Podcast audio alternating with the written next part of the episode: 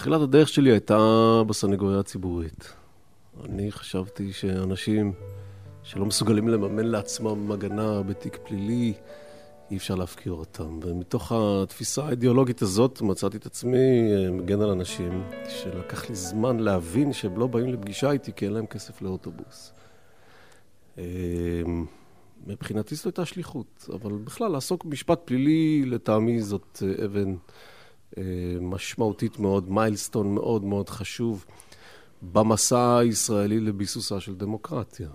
אני חושב שבמדינה שבה לא ישמרו על העיקרון הזה שנקרא הוכחה מעבר לספק סביר, זו מדינה שאתה לא רוצה לחיות בה. וכשלפעמים אנשים שואלים אותי, איך אתה יכול לייצג את האיש הזה כשאתה יודע שהוא עשה, אני אומר להם, אה, התפקיד שלי זה לשמור על העיקרון הזה, כי העיקרון הזה שומר עליך.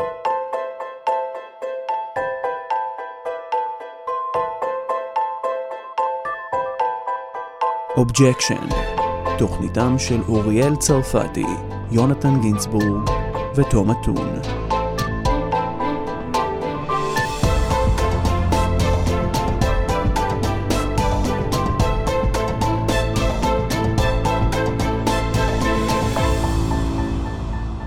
עולמם של עורכי דין לרוב מתנהל בעלטה מוחלטת. רובנו לא יודעים שאת השעות הקטנות של הלילה מעבירים אנשים אלו בחדרי חקירות, תחנות משטרה או בשולחן עבודה בבית, כשהם עסוקים בהכנת המופע שיתקיים למחרת בבית המשפט. כמו בכל פרק, גם השבוע נפתח את תיקיהם של עורכי הדין הפליליים בארץ.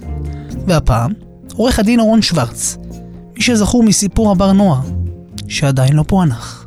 חגי פליסיאן הגיע אה, אחוז זעם לבר נוער כי הוא שמע שאחיו הקטן, בני פליסיאן, נאנס בידי אה, מנהל הבר נוער. ולכן זה היה המניע לרצח. נשמע על רגעים שבהם הצליח לטלטל את השופט. בית משפט אומר לי, אני לא אתן לך החלטה בפרוטוקול. כלומר שאני לא אוכל לערער עליה. ואתה תשתוק, ואני אומר לו, אני לא אשב, ואני לא אשתוק, ואז הוא אומר לי את משפט מיליון הדולר, הוא אומר לי, אם אתה לא תשב ולא תשתוק, אני מורה לעצור אותך. לרגעים בהם הוא חזר הביתה מתוסכל כי הוא נכשל בלחשוף את הצדק. אני חושב שבסופו של יום, גם כשאנחנו עולים לבית משפט עליון, אומרים לי, אבל מה אתה רוצה? כל הראיות מובילות אליו. אני אומר, זה נכון, אבל אפשר להסביר אותם גם בדרך אחרת לגמרי. ונגלוש כמובן, לאיך נראה יום של עורך דין פלילים. בזמן שאנחנו מייחלים להרשעתם של שודדים, רוצחים, כל הבד גייז, עורך הדין שוורץ יושב במשרדו ומוותר על עוד ארוחה משפחתית. אני קרקס נודד. בדרך כלל מתחיל את היום בדיון בבית משפט, או בפגישה עם לקוח, אה, ומשם בדרך כלל מגיע למשרד. אה, תשמע, אתה יודע, הקריירה זה עניין מחייב. וזה בא על חשבון משהו. מהבחינה הזאת, אני יודע שאני ארבע די חרא. הנה, יש לך את זה און טייפ.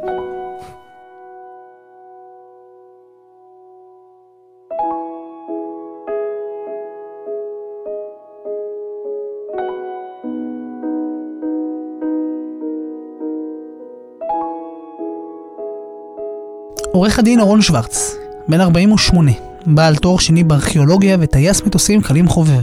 כבר 20 שנה במקצוע הוא סופר. מתוך כל אותם רגעים שעיצבו את הקריירה שלו, גלשנו על שנת 2007, 21 בספטמבר. היה זה ערב יום שישי וגם ערב יום הכיפורים. אה, תיק פיגוע הדריסה בכפר תבור אה, הוא תיק שבו נוצרה משוואה מעט בנאלית, והחטא שלה היה בבנאליות שלה. אה, משוואה שאמרה שאם יש שני ערבים שנוסעים על טרקטורון ביום כיפור ודורסים ילדה יהודייה ליד בית כנסת, זה חייב להיות פיגוע דריסה. היו אלה אסעד נסים שיבלי, בן ה-22, ומוחמד מהמון שיבלי, בן ה-21, שהגיעו משיבלי המערבית לכפר תבור. השניים רכובים על טרקטורון באותו ערב. מטרת הנסיעה, כך על פי דבריהם, להוציא כסף מהכספומט. האומנם? אני זוכר שבמהלך ניהול התיק, אני זוכר שאני בדיוק בחו"ל ומתקשר אליי שותפי, הוא אומר לי, תקשיב, מגיע עכשיו בפקס אה, סדרה של הודעות במשטרה של מדובב שיושב עם הלקוח שלנו. עכשיו, לנו הייתה תחושה כל הזמן שלא מוסרים לנו את כל חומר החקירה. אני לא יכול לומר אם הסתירו אותו מאיתנו, אה, והפרקליטות קצת גוררת רגליים. והסתבר שמצמידים ללקוח שלנו מדובב, מדובב בזמן שהמשפט מתנהל. ואני זוכר פתאום את הסיפור של המדובב, שמגיע למיטב זיכרוני מיוזמתו, ואומר, תקשיבו, אני שמעתי את הנוסע שיושב מאחורה, אומר לי ולחברים שלי שהם דרסו את הילדה היהודייה משום שיהודים הורגים ערבים בפלסטין וילדים בפלסטין. והוא אה, יושב יחד עם הלקוח שלי, ב...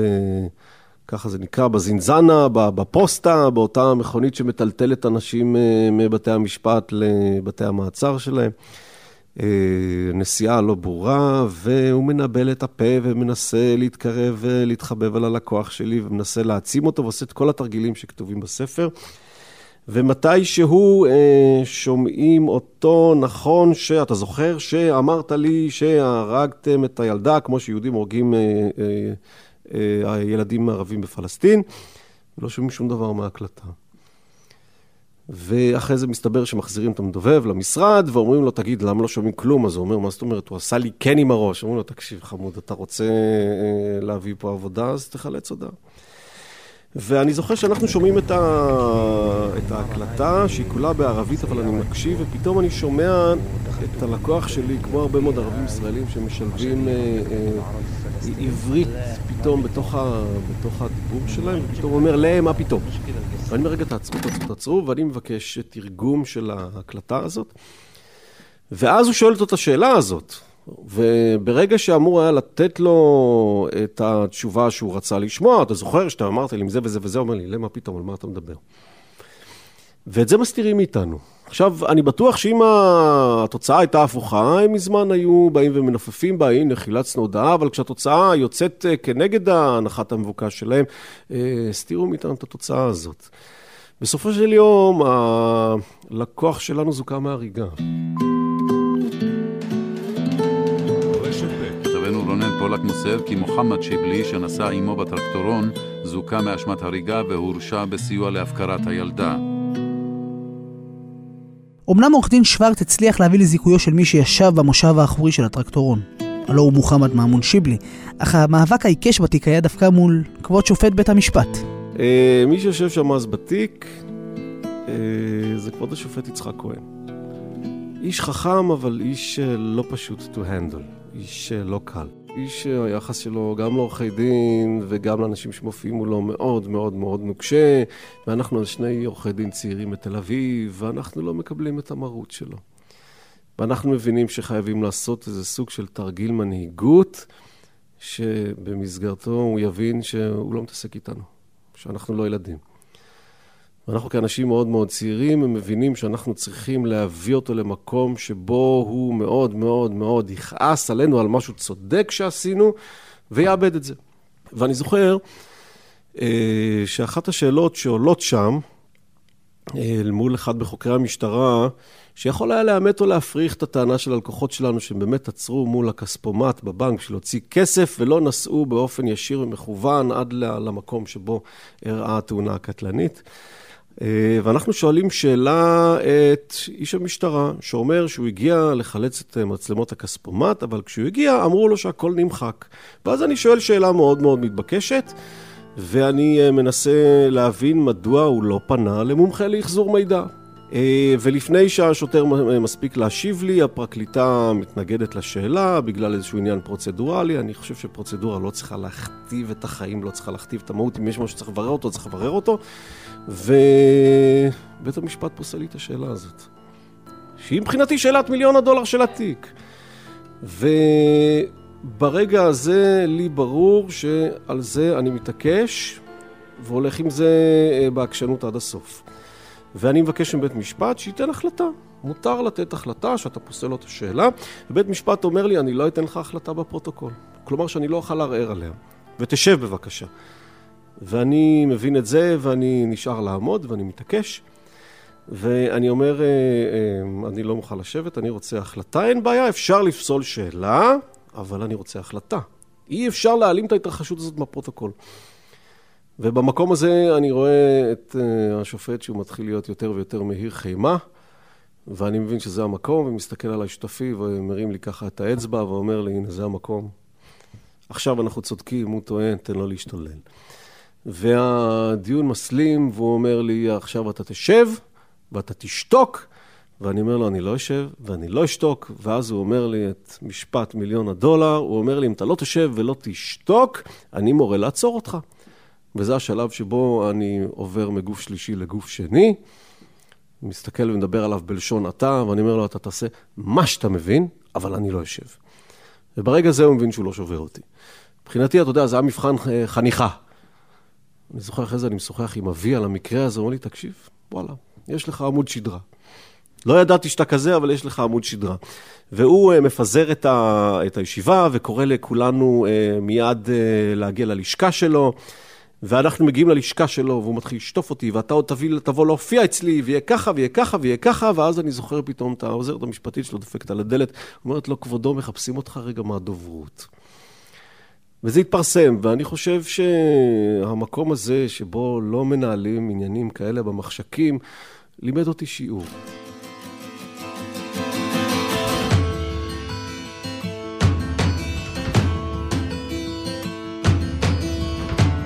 כשתיק מסוים נקשר לעורכי דין, סביר להניח שהקשר בין השניים יהיה הדוק.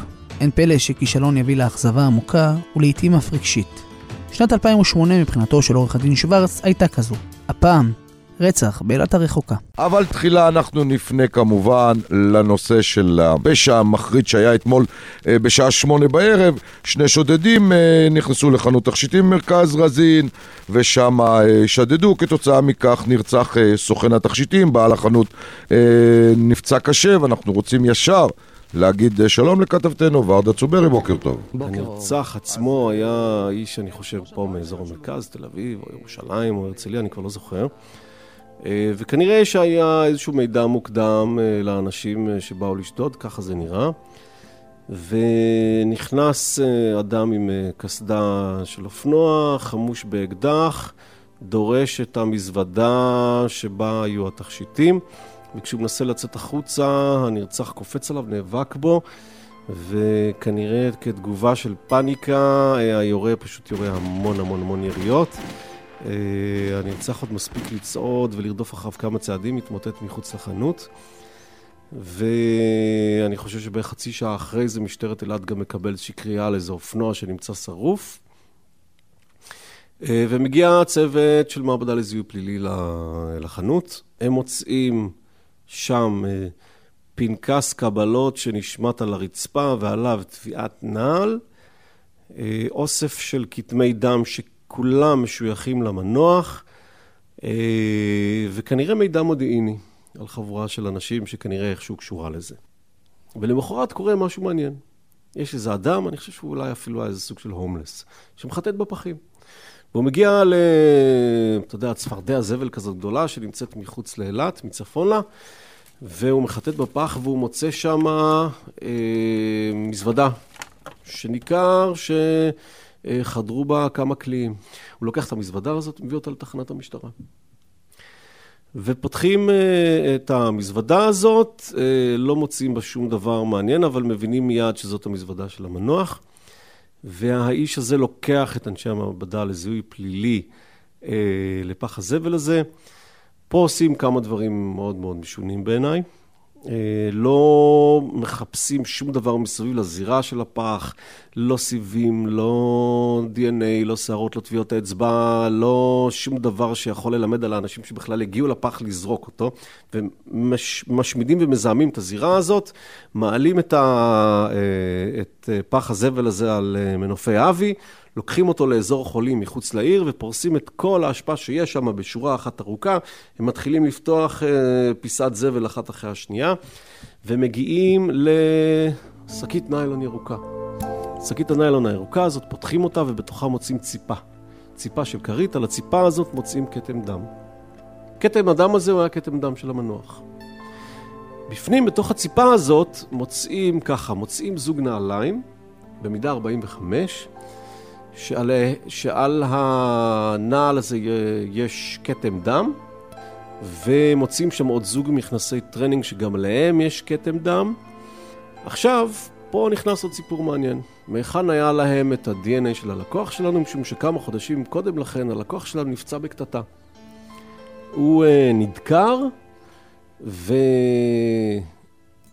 אנחנו מצליחים לראות מאוחר יותר שעל אה, הנעל שעליה יש כתם דם, שהוא של הלקוח שלנו, אה, על הנעל הזאת יש כתם דם שהוא מקביל לאיזה סימן שיסוף על הנעל. הטענה הייתה ש... לא, בעצם זאת לא הייתה טענה, זאת הייתה עובדה שמידת הנעל של הלקוח שלנו הייתה 43, ושל הבחור שהגיע, שכנראה הגיע איתו וחיכה לו על אופנוע בחוץ, אופנוע מילוט, אה, המידה שלו הייתה 45. ואנחנו חשבנו שמהמקום הזה למצוא DNA על הציפה שבה יש גם דם של המנוח, ממש לא בהכרח מלמדת שהלקוח שלנו פגש את המנוח, או שהוא אה, היה מעורב באירוע הזה. ואני חושב שבסופו של יום, גם כשאנחנו עולים לבית משפט עליון, אומרים לי, אבל מה אתה רוצה? כל הראיות מובילות אליו. אני אומר, זה נכון, אבל אפשר להסביר אותם גם בדרך אחרת לגמרי. מאוד מאוד יכול להיות שהוא יכול להיות גם נהג המילוט באותה מידה. ואני חושב הוא הורשע בסופו של דבר, ולטעמי ההרשעה הזאת, לפחות מן ההיבט המשפטי, הרשעה לא נכונה.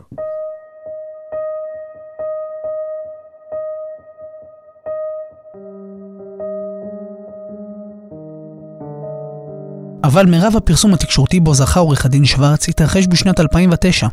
גם היום, עשר שנים אחרי, אחד התיקים הסבוכים והמטלטלים במדינה עדיין לא פוענח. רשת ב' של כל ישראל, השעה 12, בחצי היום. אני מבקש לכנות בכל תוקף את הרצח המזעזע שאירע אתמול בתל אביב. שוחחתי הבוקר עם השר אה, לביטחון פנים. אני מחזק את ידיה של המשטרה בחיפוש ובמציאת אה, הרוצח, ואנחנו נביא אותו לדין ונפעיל את כל חומרת החוק לגביו. ראש הממשלה בנימין נתניהו בפתח ישיבת הממשלה מגנה את הרצח אמש של ליז טרבישי בת 17 וניר כץ בן 26 בבית אגודת ההומוסקסואל. אנחנו נכנסים לתיק של הבר נוער לא בזמן החקירות, אלא רק אחרי שמוגש כתב אישום. בכלל, אני לא אוהב להיות כל כך במהלך חקירה. המון רעש, המון בלבולי מוח. אה, גם אתה כסנגור לא יודע אף פעם איזה ראיות מציבים ללקוח שלך. אני אוהב לבוא כשיש תיק ואז אפשר לשחק. משחק אמיתי. ואני זוכר שאנחנו מגיעים אה, לחגי, וחגי מספר לי סיפור מאוד משונה. ולפני זה אני אומר לו, תקשיב, חגי, אני צריך ממך הסבר רק לראיה אחת. כי שם אה, היה אה, למעשה סוכן, אה, שהוא היה מישהו מחבריו, עד מדינה, זאור חנקישייב, שמקבל אה, את המנדט ואת האור הירוק אה, לחלץ הודעות מאנשים שם. והוא מספר להם איזשהו סיפור מאוד מאוד משונה, שאומר, חגי פליסיאן הגיע אחוז זעם לבר נוער כי הוא שמע שאחיו הקטן, בני פליסיאן, נאנס בידי אה, מנהל הבר נוער, בחור בשם שאול גנון, ולכן זה היה המניע לרצח. והוא מצליח להביא למשטרה הקלטה בקולו של חגי, שיחה בין שניהם, שבו אה, חגי נשמע אומר, וואלה, עשינו עבודה נקייה שם בבר נוער.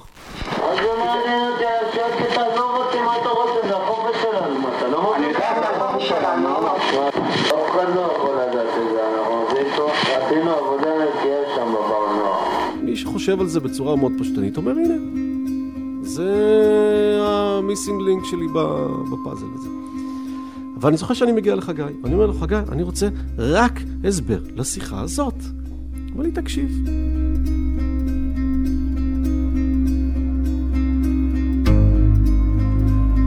יום אחד מגיע אליי אה, זאור שמכיר אותי מהשכונה, אני אגב לא גדלתי בשכונה הזאת, ההורים שלי היו גרושים, אני גדלתי עם אבא שלי בראשון לציון, לא מעורב כל כך בענייני הפשע, גם הוא בחור די תמים. וזאור אומר לו, תקשיב, אני יודע שאתה צריך כסף. אני, אתה יודע, אני וואח שאני מתעסק כל מיני דברים שלא צריך להתעסק, אני צריך אותך במשהו שגם לא יסבך אותך. אני הולך לסחוט איזה מטומטם שעובד בבר נוער, אתה תעשה איתי הקלטה. אתה תעשה איתי הקלטה. והוא מספר לי שלצורך ההקלטה הזאת, משום שהוא כל כך תמים ולא מתוחכם, אומר לו, אבל מה אני צריך להגיד? אז אומר לו חנקישייב, אין בעיה, אני אשלח לך בוואטסאפ את מה שאתה צריך להגיד. יעני טלפרומטר. ואנחנו עושים את ההקלטה הזאת, ואז כשפעם ראשונה מביאים אותי לחקירת משטרה ואומרים לי, אתה יודע למה אתה פה? אז הוא אומר, בטח, זה בגלל דברים אה, שקשורים לזוהר חנקישייב, זה גם נשמע להם קוהרנטי. וכשחגי מספר לי את זה, אני אומר לו, חגי, סיפור נפלא. אני חוזר למשרד, אני אבוא עוד שבוע, תמצא לי סיפור יותר טוב. מה זה השטויות האלה? הוא אומר לי, תקשיב, לא שטויות, אמיתי. זה מה שבאמת קרה. אז אני אומר לו, טוב, תן לי לחשוב. במצב כזה קשה מאוד לטפל בלקוח כזה, זה נשמע הזוי מאוד. נכון, וזה המקום... איזה שופט יאמין לו. וזה, המ- את האמת, היה לו שם, אני חושב, הרבה מאוד מזל. והמזל הוא אה, שבאמת היו מה שנקרא hard evidence. ואני חוזר למשרד, ואני מבקש לראות את כל נתוני התקשורת.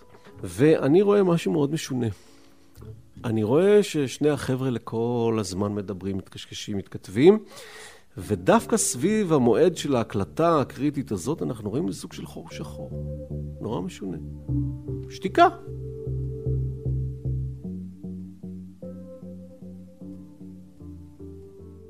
ואז אנחנו מבקשים, פונים לפרקליטות ומבקשים לקבל לידינו את אה, נתוני הוואטסאפ.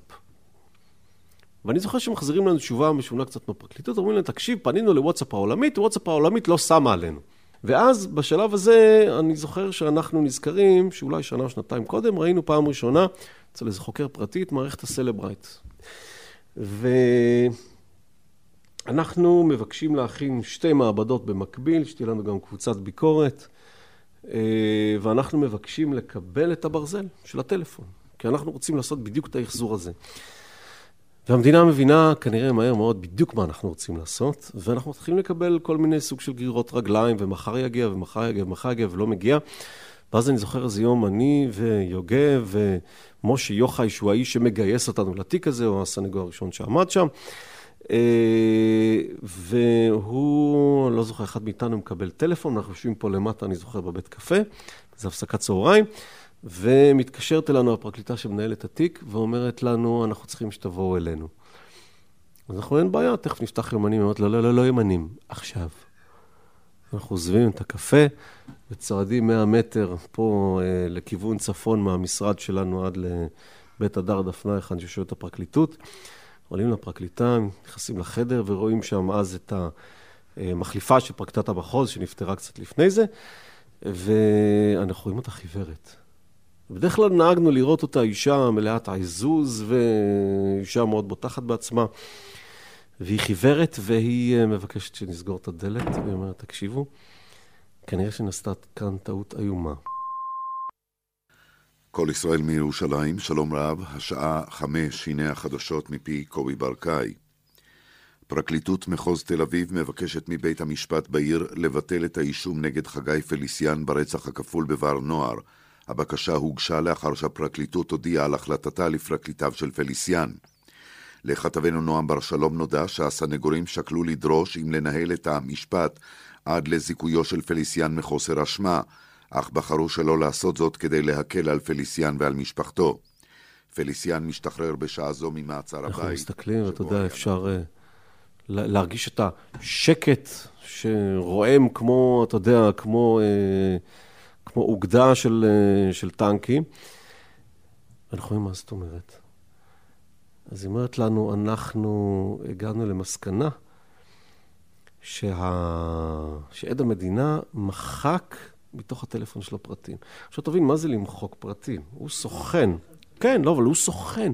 הוא אמור להקליט כל דבר ולתעד כל דבר ולמסור כל דבר שנעשה ביחס לאנשים שהוא עוקב אחרי. הורשע בהסדר טיעון זוהר חנקישייב, שהיה עד המדינה בפרשת הרצח בבר נוער ובדה ראיות נגד חגי פליסיאן.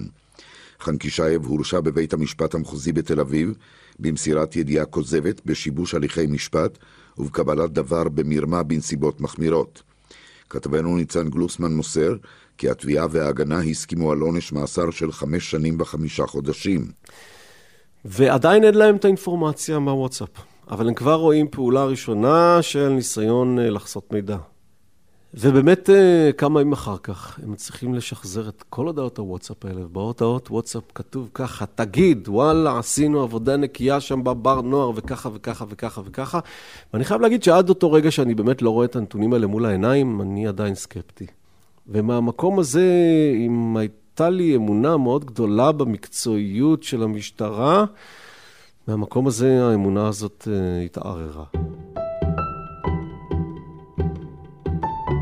מקטעים נוספים ייכנסו לדף הפייסבוק שלנו. Objection